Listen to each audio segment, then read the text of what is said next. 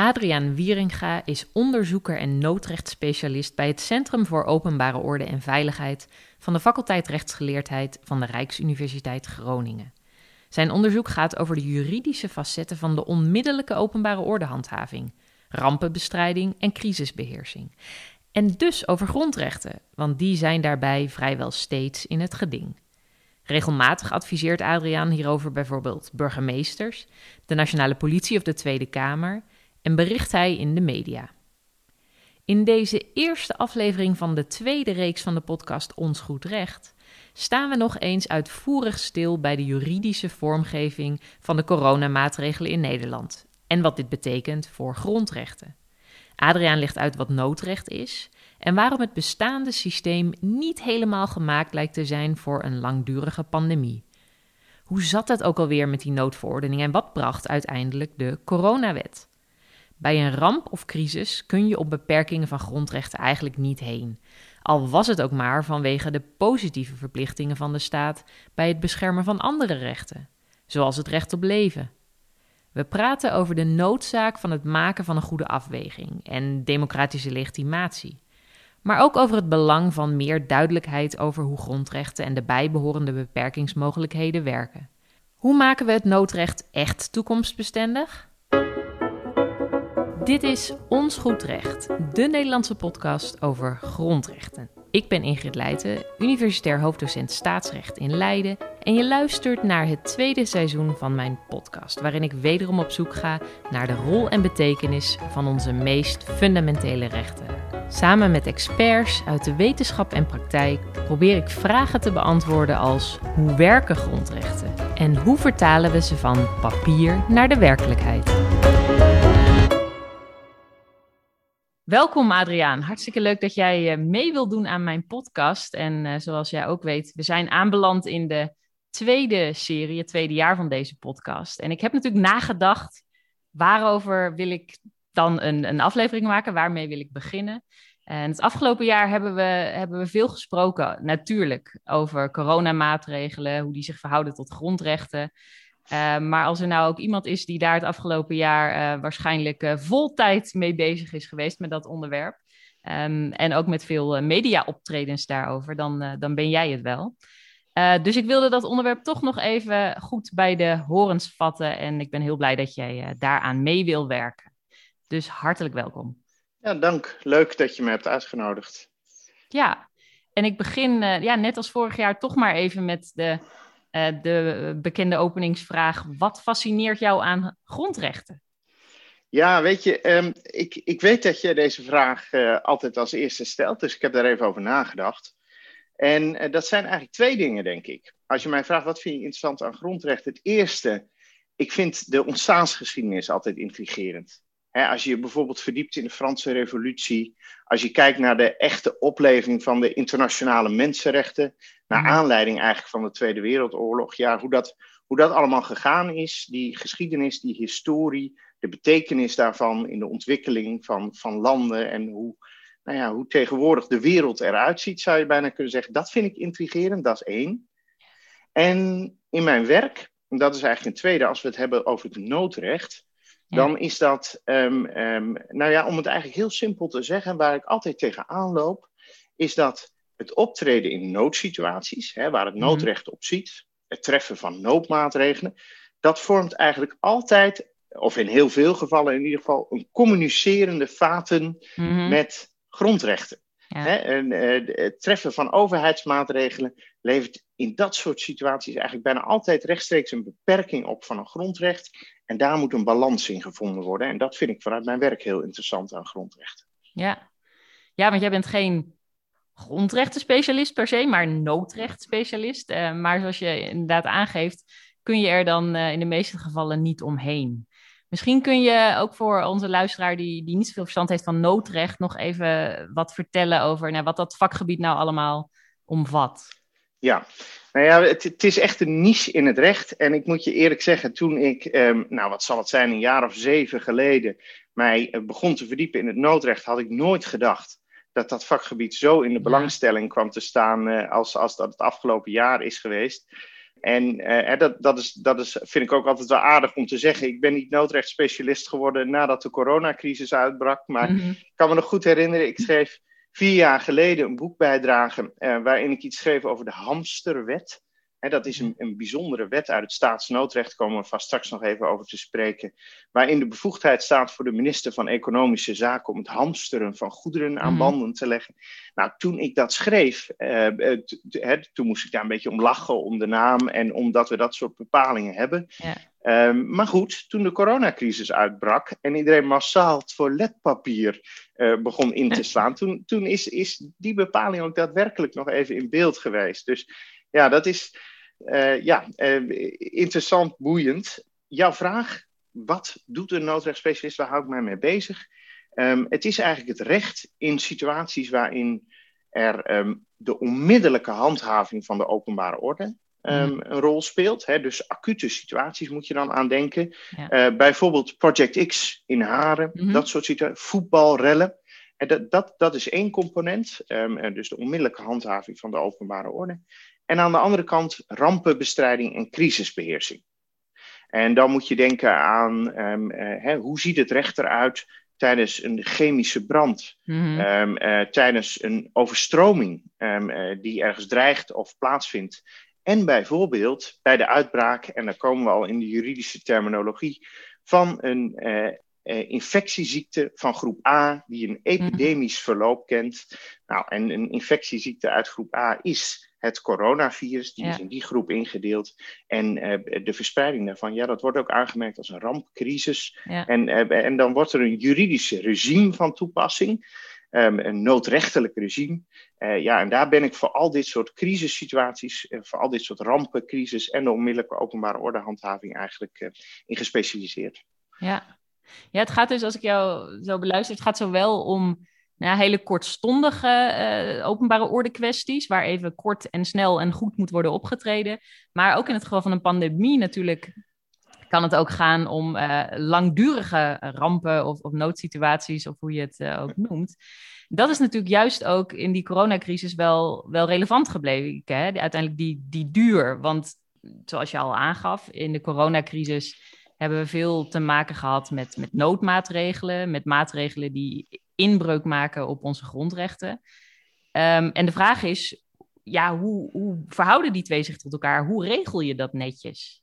Ja, nou ja, wat je nu zegt, Ingrid, dat is eigenlijk buitengewoon interessant. Kijk, um, wat het ingewikkelde is, is dat eigenlijk al dit noodrecht, al deze bepalingen voor crisis, rampen en, en, die, en die onmiddellijke openbare ordehandhaving, zijn eigenlijk allemaal bedacht voor vrij kortdurende situaties. Mm dat we zo lang te maken zouden hebben met een ramp, zoals deze pandemie, want we, hebben het inmiddels over zo'n bijna zo'n anderhalf jaar. Ja, dat is iets waarin het noodrecht eigenlijk niet voorziet. Het is echt ingericht, ook ten aanzien van grondrechtenbeperkingen, ja. op dat dat kortdurend moet gebeuren, de korte klap om een noodsituatie. Hè, er is een brand, die moet geblust worden. Er is een overstroming, uh, er moet een gebied ontruimd worden. Er is, ja, en, en dat je in een, in een ramp zit die zo'n lange duur heeft. Je ziet ook dat dat um, uh, bij de afgelopen coronacrisis heeft geleid tot echt een, een, een spanningsveld in de bevoegdheden die er zijn. Ja. Um, en in hoeverre je grondrechten mag beperken en hoe lang dat mag.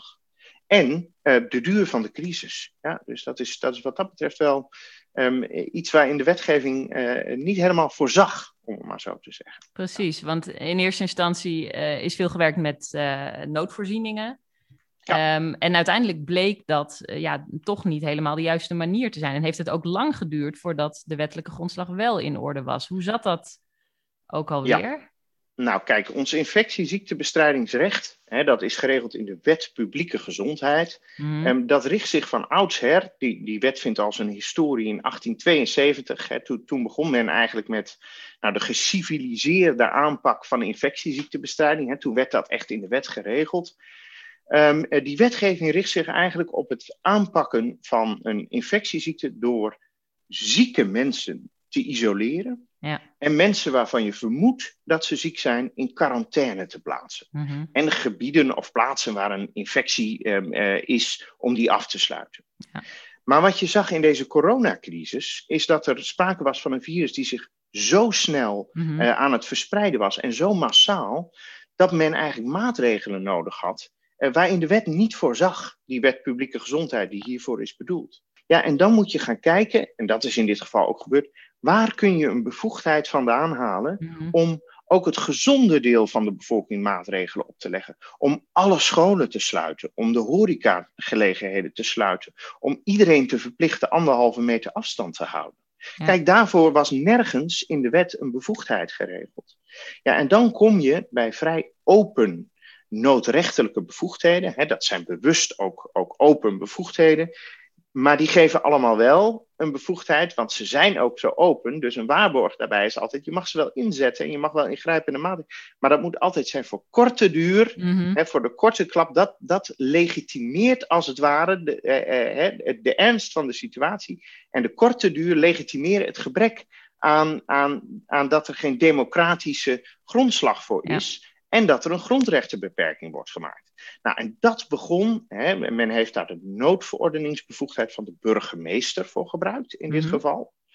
Um, die is opgeschaald naar de voorzitter van de veiligheidsregio. Dat kan in het geval dat een ramp of crisis van meer dan plaatselijke betekenis is. Nou, dat was de coronacrisis natuurlijk. Dus de voorzitter van de veiligheidsregio die is op instructie van de minister van Volksgezondheid. Mhm. Die is de baas bij een infectieziekte die heeft die burgemeestersbevoegdheid aan zich getrokken. Ja. En op basis daarvan al die algemene maatregelen tien maanden lang in Nederland uitgerold. Dus eigenlijk heeft de minister van Volksgezondheid bij een gebrek aan bevoegdheden uit de wet publieke gezondheid, mhm. via de voorzitter van de veiligheidsregio, op basis van een burgemeestersbevoegdheid, tien maanden lang een lappendeken in Nederland uitgevaardigd waren, op basis waarvan al die coronamaatregelen gebaseerd zijn.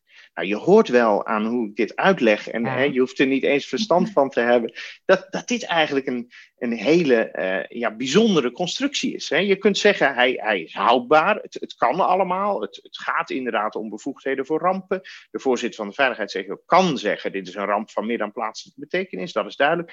Maar zo heeft men dat natuurlijk nooit bedacht. Uh, ja, en dan, en dan gaat de schoen ook op punten uh, wel echt wringen. Ja, ja. Met zo'n zo'n bijzondere constructie. Zeker natuurlijk als we het ook hebben over grondrechten. En je eigenlijk ervan uit moet gaan dat die noodbevoegdheden heel veel mogen doen, uh, maar niet per se grondrechten mogen beperken. Nee, nee kijk, dat is natuurlijk het punt. Hè, als we het hebben over onze grondrechtenbeperkingssystematiek, ja. dan is simpel gezegd het uitgangspunt natuurlijk altijd Um, uh, grondrechten beperk je met medewerking van onze volksvertegenwoordiging. dat doen we in Den Haag. Ja. Uh, de Tweede en de Eerste Kamer die moeten daar een zegje over doen. Um, uh, logisch, het gaat, gaat om, om, fundamentele rechten, de belangrijkste rechten van burgers. Dus die kun je niet zomaar inperken. Nou, wat gebeurt er in dit geval? In dit geval wordt er eigenlijk zonder dat er um, ergens in het hele proces een mm-hmm. volksvertegenwoordiging bij betrokken geweest is. Precies, ook niet op gemeentelijk, op gemeentelijk niveau, nee. Nee, precies. En ook niet uh, de Tweede Kamer en de Eerste Kamer. Zijn tien maanden lang uh, maatregelen uitgevaardigd. Ja, eigenlijk op gezag van de minister van Volksgezondheid, die toch wel zeer uh, ingrijpend grondrechten hebben beperkt. Hè. Als we even terugkijken naar die coronacrisis, die eerste periode van maart tot en met november 2020 dan zie je dat de persoonlijke levenssfeer mhm. ingrijpend is beperkt. een verbod op samenkomsten buiten de publieke ruimte. Um, het verbod om bezoekers te ontvangen in een verzorgingstehuis. Mm dat, dat is, is, mensen wonen daar um, uh, en die mogen geen bezoek meer ontvangen. Soms in de laatste fase van hun leven. Dat, dat is natuurlijk een enorme inbreuk uh, op de persoonlijke levenssfeer. Vrijheid van godsdienst en levensovertuiging. Hè? Beperking van aantal aanwezigen bij kerkdiensten. Vrijheid van onderwijs. Hè, het, sluiten van scholen. Ja. Vrijheid van vergadering en betoging is per ongeluk ook, ook wel eens gebeurd. Dat was niet de bedoeling van deze regels. Hè. Dat, dat zou op een andere. Maar hmm. sommige uh, voorzitters zijn daar uh, ook met deze noodverordeningen in de hand uh, beperkingen op aan gaan brengen. eigendomsrecht, noem nog maar eens even ja, een ja. zijstraat. Ja. van ondernemers um, die niet meer um, met, met hun eigen bedrijf inkomen mogen vergaren. Ja, dus, dus dat er, um, dat er uh, grondrechten zijn beperkt en dat dat uh, intensief was en, en breed, ja, dat, dat staat buiten kijf. Ja, en, en hoe dat past binnen onze beperkingssystematiek, Ja, dat, dat is een hele ingewikkelde vraag. Nou, en wat zeggen we daar dan van? En dan kom ik eigenlijk terug bij het begin. Ja. In het noodrecht zeggen we altijd, nou, dat mag een, een beetje, mhm. maar eigenlijk in, eh, gelden er dan twee belangrijke voorwaarden. Eén, um, er moet sprake zijn van een acute, concrete bedreiging van levensgevaar. Hè? Als, als je dat als uitgangspunt neemt, dan gaat het om een heel uitzonderlijke situatie. Um, en het moet van korte duur zijn. Mm en, en dan kan het in, in dat soort gevallen net door de bocht, um, dat je dat niet via dat proces doet van de Tweede en Eerste Kamer. Ja, en tien maanden is natuurlijk niet, niet heel uh, kort. kort. Nee, niet heel Nee, precies. Het is interessant. Als ik, kijk, ik kijk daar natuurlijk ook vanuit een uh, grondrechtenperspectief nog meer naar. En dan denk ik ook hè, uh, dat je zegt van... oké, je hebt een bevoegdheid, maar je mag daar nooit inbreuk maken op grondrechten. Is per se lastig. Hè? Als we een recht op persoonlijke levensfeer, op privéleven... als we dat ruim uitleggen, dan, dan zit je daar natuurlijk al snel aan. Uh, dus, hè, dus het is een beetje een illusie, denk ik, om te zeggen dat mag niet en, en nooit. Nee. Uh, maar zoals jij terecht ook zegt, hè, je, je kunt natuurlijk wel ook een soort van uitzondering uh, voorzien op het moment dat het echt gaat om acute dingen die je echt niet, niet eerst kunt voorleggen aan, um, aan de Tweede Kamer. maar waarom hebben we dat dan toch zo lang gepikt? Want, want hier was het natuurlijk evident, hè? Het, het waren niet kleine grondrechten dingetjes. het was op een gegeven moment echt niet meer acuut, acuut. Nee, dat ben ik met je eens. En nog even in aanvulling daarop. Kijk, aan de ene kant moeten inderdaad de grondrechten beschermd worden, waar we het net over hebben, hè, die jij noemt, mhm. eh, die we net aan de orde waren. Aan de andere kant, en dat vormt eigenlijk ook die legitimatie, ehm, is het ook zo dat de overheid een plicht heeft om zijn onderdanen te beschermen tegen een, een, een, een, concreet levensbedreigende situatie. Ja. En dan noem ik eventjes een, een jouw uh, welbekende zaak, de Önür Yildiz-zaak. Mm is een hele bekende hè, tegen Turkije, waarin het recht op leven um, uh, zo wordt uitgelegd dat er voor de overheid ook een positieve verplichting bestaat als um, bekend is dat onderdanen um, in, een, in een levensbedreigende situatie zitten, om hen daartegen te beschermen. Dus dat is ook een grondrechtelijke plicht. Nou ja, en in die afweging hè, van, van de plicht van de overheid toch ook om, om mensen te beschermen tegen, tegen een dreigend levensgevaar. Aan de andere kant, um, hè, om geen inbreuk te maken bijvoorbeeld op de persoonlijke mhm. levensfeer kun je zeggen um, dat hè, in, in, in de balans daartussen, in de, in de botsing van, van die grondrechten, ja, ja. Um, um, kortdurend, proportioneel, subsidiair, hè, dat soort inbreuken mogelijk zijn. Ook op basis van noodvordering. Maar daar, daar zit ook weer dat element van die kortdurendheid in. Nou, dan kom ik terug op wat jij net zegt. En jij, jij zegt, ja, dit, dit was toch uh, evident uh, van lange duur en evident dat er heel veel um, grondrechten werden beperkt. Mm -hmm. um, ja, dat, dat klopt. Kijk, waarom ik denk dat. Kijk, ten eerste is het denk ik niet zo dat men daar heel langdurig mee akkoord is gegaan. In die zin, als ik nou kijk naar de rechtswetenschap, en dan kijk ik zeker niet alleen naar mezelf, maar ik ben er ook iemand van geweest en een hoop andere ja, ja. rechtswetenschappers, ook die, die zijn wel um, vrij snel aan de bel gaan trekken van hey, um, uh, misschien moet je voor het, het zo um, uh, ingrijpend reguleren van de maatschappij ja. wel een wat, wat uh, meer solide grondslag hebben, waar ook de volksvertegenwoordiging bij, bij is betrokken. daar komt dat geluid vandaan. Maar ook, het is niet zo dat de regering die wens heeft ontkend. in die zin, men is natuurlijk gekomen met de coronawet. Mm -hmm. en, en ik heb mij altijd verbaasd, moet ik je eerlijk zeggen, en, en dat heb ik ook bijzonder gevonden. En sommige collega's zijn daar enorm tegen te hoop gelopen. Um, uh, en, en nou ja, dat is, dat is um, uh, eigenlijk heel erg uh, breed ook, ook opgepikt in het sentiment. we zijn gewoon zat van al deze maatregelen. Hè. Bij, bij een groot deel van de mm -hmm. mensen um, is, is, is dat een beetje op die manier aangegrepen. Maar als ik kijk naar die coronawet en wat beoogde die nou? Wat beoogt die nou? Hè? Hij is natuurlijk nu nog steeds van kracht.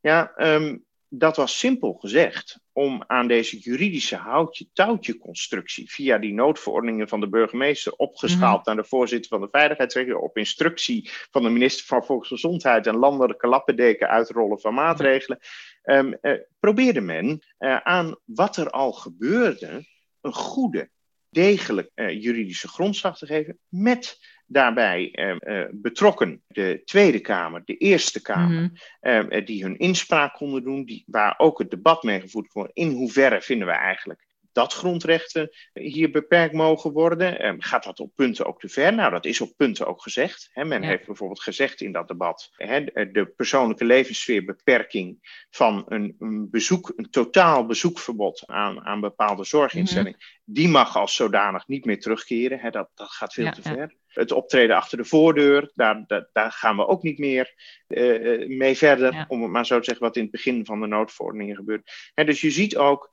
dat de functie van, van dat debat um, uh, heel goed uh, heeft uitgewerkt. Hè. In, in dat debat met de volksvertegenwoordiging is, is ook goed nagedacht. Hoe ver willen we eigenlijk dat, dat grondrechten met dit doel beperkt worden? Nou, er zijn ook bepaalde grenzen aangesteld. Hè, dus wat die wet eigenlijk beoogt is een goede grondslag met een democratische legitimatie, meer inspraak voor de, voor de Tweede Kamer, ook op lokaal niveau in, het, in de mhm. uitvoering van die maatregelen.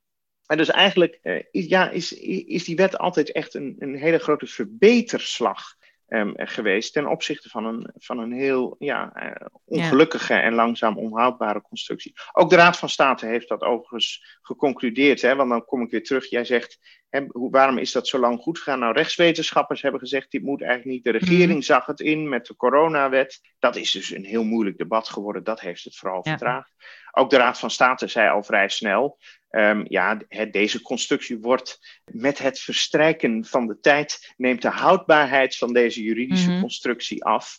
Dus ook daar werd gezien, we moeten wel um, dit een andere baas geven. Maar goed, dat heeft nogmaals ook, ook door, een, door een, wat mij betreft, eigenlijk misschien wel op punten onterecht verlopen hit, verhit debat, um, ja. uh, heeft, dat, uh, heeft dat heel lang geduurd. Ja, ja, ja. ja dus als ik jou goed begrijp, hè, uiteindelijk zeg je, is het zowel procedureel als ook eh, inhoudelijk democratisch gelegitimeerd en een, een, grote verbetering geweest. Er was natuurlijk nog wel wat discussie, daar eh, doelde je een beetje op over nou, hoeveel moet je dan in die wet zelf regelen, hoeveel kun je eventueel overlaten toch weer aan de minister.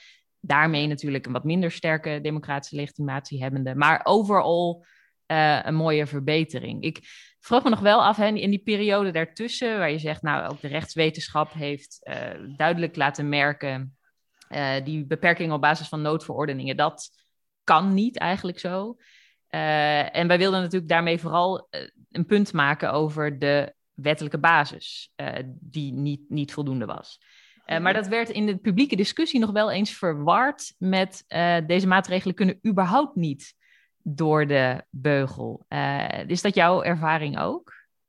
Ja, zeker. Dat is wat ik heel veel zie. En ja, wat, kijk, zo, zoals um, wat, wat ik heel erg probeer te doen in mijn onderzoek, wat ik daar echt centraal in probeer te laten staan, is, is ook de valorisatie, zoals wij dat dan aan de universiteit mhm. noemen.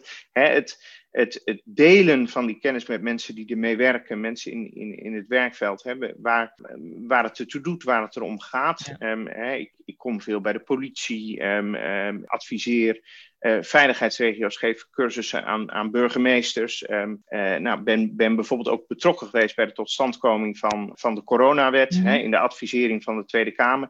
Ja, dat, dat zijn dingen die ik heel belangrijk vind om, om te doen, om, omdat het denk ik ook logisch is dat niet iedereen hier, uh, nou ja, laat ik het zo maar zeggen, uh, tien jaar lang uh, of wat dan ook, zich, zich zo mee bezig heeft gehouden. Nou, en dat geldt, dat zie ik ook. En, en, en dat, dat zou ik dan eigenlijk tegen willen zeggen tegen de mensen die zich primair bezighouden met grondrechten.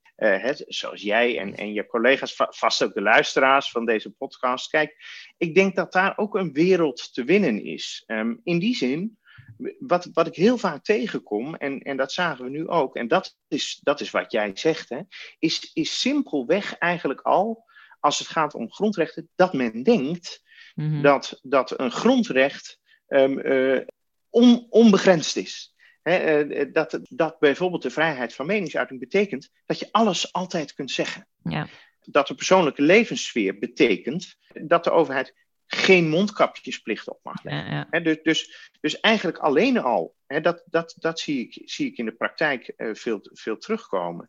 Uh, de gedachte of het idee dat, dat grondrechten ook beperkt kunnen worden. En, en, en hoe dat dan werkt en, en, en wanneer dat dan mag. En dat, en maar dat dat, dat dat geen onbegrensde vrijheden biedt. Ja, en, een en, soort absoluutheid zit erin. Dus een beetje ja. de terminologie van grondrechten suggereert een soort absoluutheid. Ja, precies. Die, die misschien in 5% van de gevallen ook klopt, als we het hebben over foltering en, en dat soort kwesties, maar voor het overige niet. Nee, en, en vaak natuurlijk ook heel begrijpelijk. want als je kort met iemand in gesprek bent en uh, je laat zien dat bijvoorbeeld de vrijheid van meningsuiting, nou, dat we daar ook hele legitieme beperkingen op mhm. hebben. Bijvoorbeeld dat je niet zomaar iedereen mag beledigen of, of allerlei dingen over iemand mag beweren. Um, terwijl er helemaal geen grondslag voor is. Hè. Smaad, laster, uh, belediging, dat het ook strafbaar is gesteld. Uh, haatzaaien. Hè, ja, dan begrijpt men vaak ook wel van ja, inderdaad. Hè, er zijn, dus, dus het inzicht bieden daarin, hè, dat is vaak ook wel te doen. Alleen ik, ik merk wel, en dat, dat hebben we in deze discussie gezien, er gingen pamfletten uh, rond. Mm. nou, met een citaat, zonder dat ik daar überhaupt zelf iets vanaf wist, maar dan kreeg ik in mijn mailbox een berichtje. Hè, u heeft een pamflet bij mij in de bus gedaan in Deventer, ik zeg maar iets. Mm. En, en terwijl ik een nee-nee-sticker heb. En daar open ik zo'n mailtje in en denk ik, welk pamflet en hoe komt dat in deze en wat gebeurt hier? Maar dan is een actiegroep die hebben dan um, mij ergens uh, gehoord. Ik geloof dat het, dat het een citaat was uit het NOS-journaal. Waarin, waarin ik aan heb gegeven dat, dat dit een beperking vormt, de mondkapjesplicht, van de mhm. persoonlijke levenssfeer. Ja. En, maar dat simpele citaat, dat, dat plaatst men dan in een pamflet om te zeggen: dat mag dan dus niet. Ja, ja. Ja. En, en nou ja, dat is eigenlijk wat jij ook zegt en bedoelt. Hè? Ja. Precies, terwijl een, beperking hè, in onze terminologie waarin ik dat aan studenten uitleg, is wat anders dan een schending van, uh, van een grondrecht. Zo maar het, het, is ook wel ingewikkeld hoor. Ik kom nog heel even terug op wat jij eerder zei. Um, dat uh, andere rechten, zoals het recht op leven, het recht op gezondheid, natuurlijk juist ook actie verlangen. Ik, ik heb uh, vorige zomer ergens nog kort een keer eh, beweerd dat onze Nederlandse beperkingssystematiek soms ook een beetje in de weg staat aan het beschermen van grondrechten. als je dus eh, inderdaad snel uh, dat soort rechten wil beschermen, positieve verplichtingen hebt, uh, maar je tegelijkertijd daarmee grondrechten moet beperken en dus eigenlijk eerst langs de wetgever zou moeten. Maar goed, dat is ook de spanning die jij benoemde. Hè? Dus daar moet je dan toch een soort van uitzondering vinden om, al was het maar kort, toch die, die klassieke grondrechten een tijdje te kunnen uh, beperken. Ja, ja en eh, precies, zo is het. Kijk, um, wat ik altijd een mooi voorbeeld geef, of vind, als je kijkt naar de, um, naar de grondrechtenbeperking echt in het noodrecht, hè, waar, je, waar je ziet mm. die communicerende vaten van het treffen van een maatregel en, um, en hoe dat meteen een grondrecht raakt, is bijvoorbeeld het vraagstuk van verplichte evacuatie. Mm Als je kijkt naar een dreigende overstroming, als je kijkt naar chemische brand ergens. Kijk, als we dat geval bekijken, hè, um, dus het, het verplicht evacueren van een gebied omdat er een noodsituatie gaande is. Daar zijn eigenlijk heel veel argumenten voor uh, om, om, om, dat te doen. Um, maar om even te beginnen, kijk, het klinkt heel logisch dat iemand zegt van dit is mijn eigen huis ik wil hier niet weg. Mhm. Eh, eh, waar bemoeit de overheid zich mee? Hè? Als ik ergens een aanspraak heb op mijn huisrecht, op mijn persoonlijke levensweer, is het in mijn eigen huis. Mhm. En ik kies ervoor, aanvaard alle risico's uh, om hier te blijven zitten. Kijk, ja, dat, dat lijkt een heel sterk appel.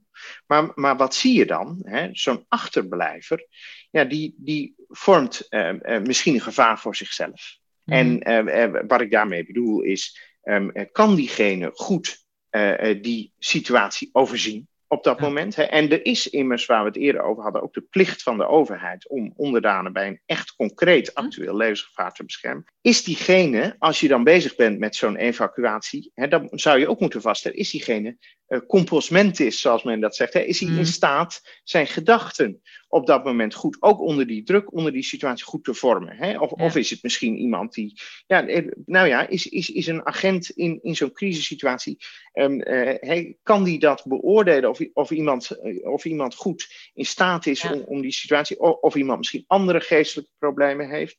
Um, uh, wat is het nadeel? Kun je je dan nog afvragen voor, hè, als je in de rampenbestrijding met iedereen dit debat moet aangaan, mm dat, dat vertraagt natuurlijk de rampenbestrijding, dat brengt andere mensen weer in gevaar. En wat zeg je ervan, hè, want dan zijn we er nog niet, dat iemand tot inkeer komt. Hè? En dan kunnen ze misschien een verklaring hebben ondertekend of heel. Maar ja, het water komt nu toch wel erg hoog. Mhm. Ehm, ja, en dan, dan wordt er gebeld met, met, uh, met de meldkamer. Dan is het niet zo dat die hulpverleners zeggen: ja, laat diegene maar, maar zitten. Ja, dat brengt natuurlijk hè, die, die mensen die tot inkeer komen ook weer hulpverleners in gevaar. En, en dat staat dan allemaal nog los van ja, um, dat je in zo'n gebied um, uh, nog het risico hebt van um, uh, dat mensen daar uh, achterblijven, daar gaan plunderen. En als je een ramp wil bestrijden, hè, stel je wil besluiten als burgemeester, ja, het is toch beter vanwege die hoge waterstanden om de dijk door te steken.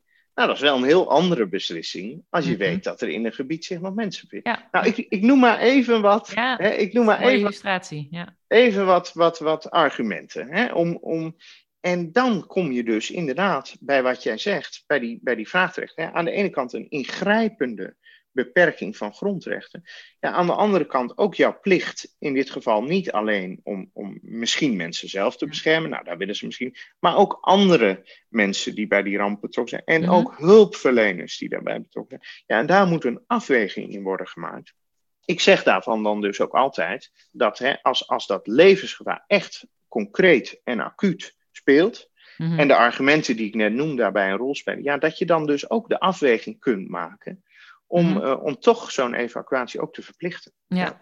ja. dus zelfs als het gaat om die hele wezenlijke en kernachtige uh, vrijheden, um, kunnen, die, kunnen die beperkt worden. Zou jij ook zou jij de, de stelling onderschrijven dat de waarde van, van grondrechtenbescherming in, in zulke situaties nu juist ook is dat er een afweging wordt gemaakt? Dus, dus niet per se eh, de, de, vrijheid moet beschermd worden of, of, dit of dat, maar gewoon het feit dat daar dan in die termen over na wordt gedacht.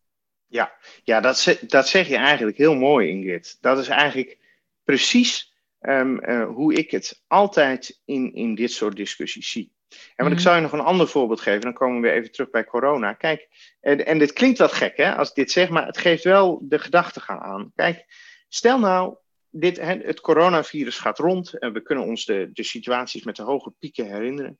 Stel nou dat je als overheid besluit, iedere vorm van samenkomsten hmm. is gedurende twee, drie, vier weken voor iedereen permanent verboden. Ja. Stel nou, je besluit hè, iets anders. Niemand mag meer zijn huis verlaten gedurende twee of drie weken. Wat je dan zeker weet, is dat hè, dat virus, laat, laat ik het even zo zeggen, dat beestje niet van de een op de andere mens kan overspringen. Dus dat de mm. verspreiding van het virus ja, eh, heel snel, eh, heel stevig een halt toe wordt geroepen. Maar dat maakt natuurlijk een enorme inbreuk op, op iemands persoonlijk leven, op iemands bewegingsvrijheid, op, mm. op hoe iemand.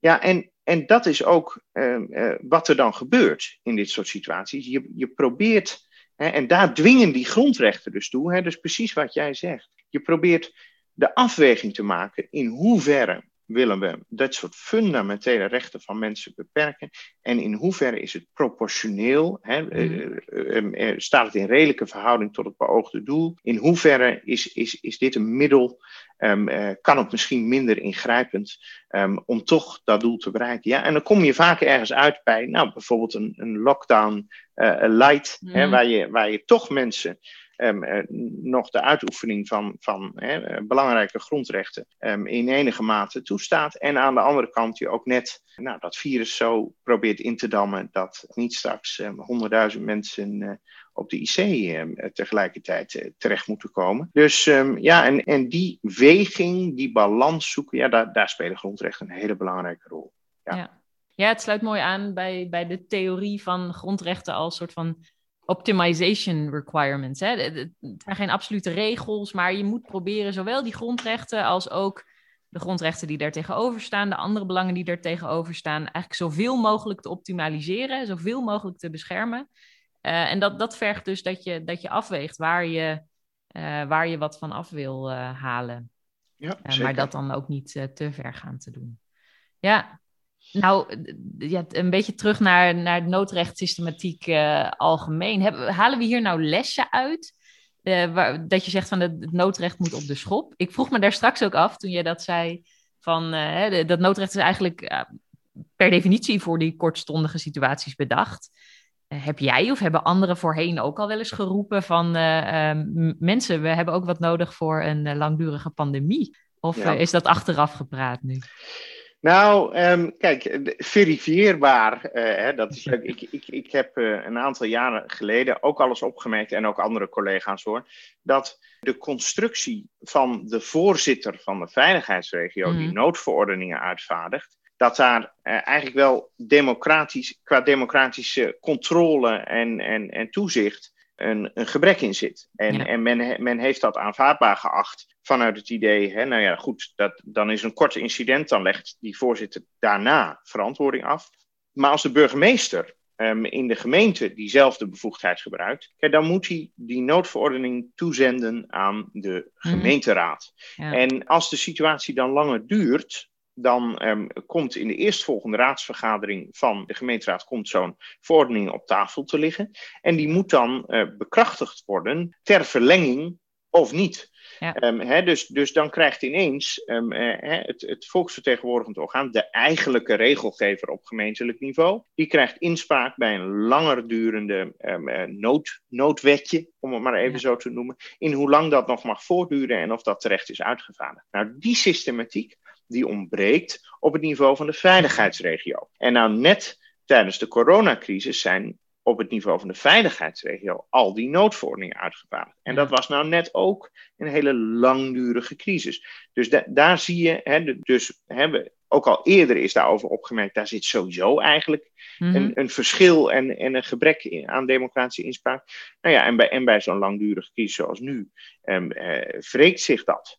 Um, en zie je, hè, komt dat nog meer onder druk te staan, laat ik het zo zeggen. En, en zie je dat, dat het goed is om, om daarop te herbezinnen. Ja, ja dus dat is zowel, één ding. Ja, ja inderdaad. Dus, dus zowel het, het tijdselement ja. Um, is daarbij lastig, maar dus ook de schaal eigenlijk. Hè? Dat je die mogelijkheid hebt op lokaal niveau, maar dat het natuurlijk ook voor een pandemie eigenlijk ook weer niet heel effectief is. En je dus iets op gaat schalen. Ja, zo is het. Kijk, wat je nu eigenlijk zag is, kijk, als je in de gemeente um, een ramp um, of ernstige ja. hebt, dan spreekt de gemeenteraad de burgemeester aan op zijn optreden. En dat is eigenlijk van oudsher. Um, Torbekke heeft dat al bedacht. Hè. Eerste gemeentewet 1851 het uitgangspunt. Uh, rampenbestrijding, openbare ordehandhaving, hè, rellen en rampen noem ik het altijd. Daar gaat de burgemeester over. De gemeenteraad uh, legt hij verantwoording aan af. En op landelijk niveau hebben we natuurlijk um, de verantwoording van de ministers aan um, hè, Tweede Kamer, in het debat uh, ministeriële verantwoordelijkheid. En wat je nu zag in deze crisis, is dat eigenlijk het uitvoerende uh, niveau voor het treffen van de maatregelen en, en de handhaving daarvan kwam te liggen bij veiligheidsregio's. Ja. Nou, die vallen precies tussen eigenlijk die controle. Hè, die die -hmm. zijn niet rechtstreeks verantwoording verschuldigd aan, aan de Tweede Kamer en ook niet aan de gemeenteraad. Ja, dus je ziet, je ziet daar een, een democratisch deficit, hè, een, een, ja. een, een, een, gat in verantwoording, eh, dat zich met name is nu dus ook, eh, hè, hebben we nu dus ook gezien, bij een langdurige crisis echt opbreekt. Eh, waarvan je moet zeggen, kijk, daar moeten we nog eens goed naar kijken hoe we dat regelen als er iets op dat niveau uh, wordt uitgevoerd. En dat staat eigenlijk allemaal nog los van de vraag. En dat en in antwoord ook op jouw vraag, wat, wat, mhm. wat leren we hier nou allemaal van? Ja. En wat je ook kunt zien als we het over dit concrete geval hebben. Hè, en zo begonnen we eigenlijk deze podcast ook. Is dat onze wetgeving die ziet op het bestrijden van een pandemie. ja. Wie mag dan wat precies doen? Ja, die bleek al snel uh, volstrekt ontoereikend te zijn, waardoor we dit soort kunstnoodgrepen, laat ik het mhm. zo noemen, moesten doen, uh, nodig waren.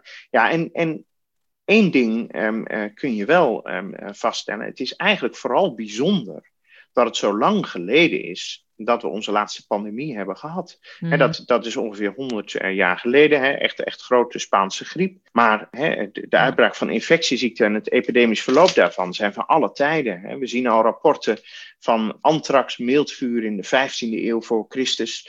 Ehm, eh, de Bijbel, hè, waar gesproken wordt over melaatse, lepra. Hè, de, de pest eh, in de middeleeuwen, de periode daarvoor. Hè. We hebben in de 14e eeuw in Europa een uitbraak van de pest gehad, waaraan naar schatting kwart van de Europese Mhm. bevolking is overleden. Pandemieën eh, zijn van alle tijden. Het is eigenlijk bijzonder, hè, wat ik al zei, dat, Ja. dat we zo lang eh, eh, daarvan gevrijwaard zijn gebleven. Maar ze horen bij de mensheid. Dus dat dit, spijtig het ook klinkt, maar dat, dat dit niet de laatste pandemie Ja. is geweest, dat is eigenlijk ja, wel met aan zekerheid grenzende waarschijnlijkheid te zeggen. En dat betekent ook dat, dat dit ook een kans is om eens goed na te denken. Mhm. Hoe willen we in de toekomst omgaan als we weer met zo'n uitbraak te maken hebben? Ook, ook met de beperking van grondrechten. En wat Ja. vinden we dan toelaatbaar? Eh, hoe willen we ook gezonde mensen in hun vrijheden beperken? Mhm. Wat kunnen we leren van deze crisis? Ik denk, ik denk dat dat heel belangrijk is om, eh, als, als de situatie weer wat tot rust is gekomen, om daar goed met elkaar over na te gaan denken. Zeker. Precies, als het niet meer eh,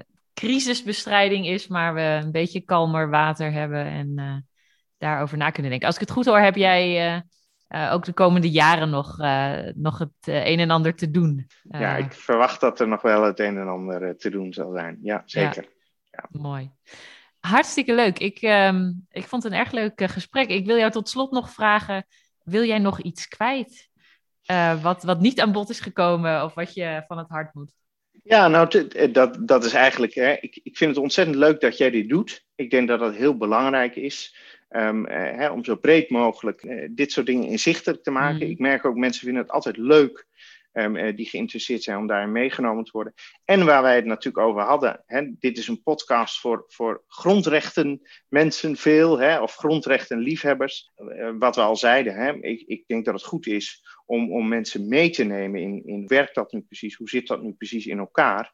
Ja, en, en, en dat dat hele belangrijke bijdrage kan leveren aan, aan het maatschappelijk debat. Een maatschappelijk debat en uiteindelijk ook aan het, eh, het vertrouwen in de overheid en wat er allemaal eh, om ons heen gebeurt. eh. Zeker, ja, Ja. absoluut. Uiteindelijk gaat het daar natuurlijk ook om. Ja, Heel erg bedankt voor dit mooie gesprek. Ik denk inderdaad dat we een, een aantal hele belangrijke punten mooi hebben kunnen bespreken. Een mooie start van, van mijn tweede serie. Dus heel erg bedankt en tot ziens. heel graag gedaan Ingrid. Tot ziens. Dit was Ons Goed Recht. Heel graag tot de volgende aflevering. Vragen en suggesties zijn van harte welkom, bijvoorbeeld via www.ingridleiten.com. Deze podcast is mede mogelijk gemaakt door de Young Academy Leiden.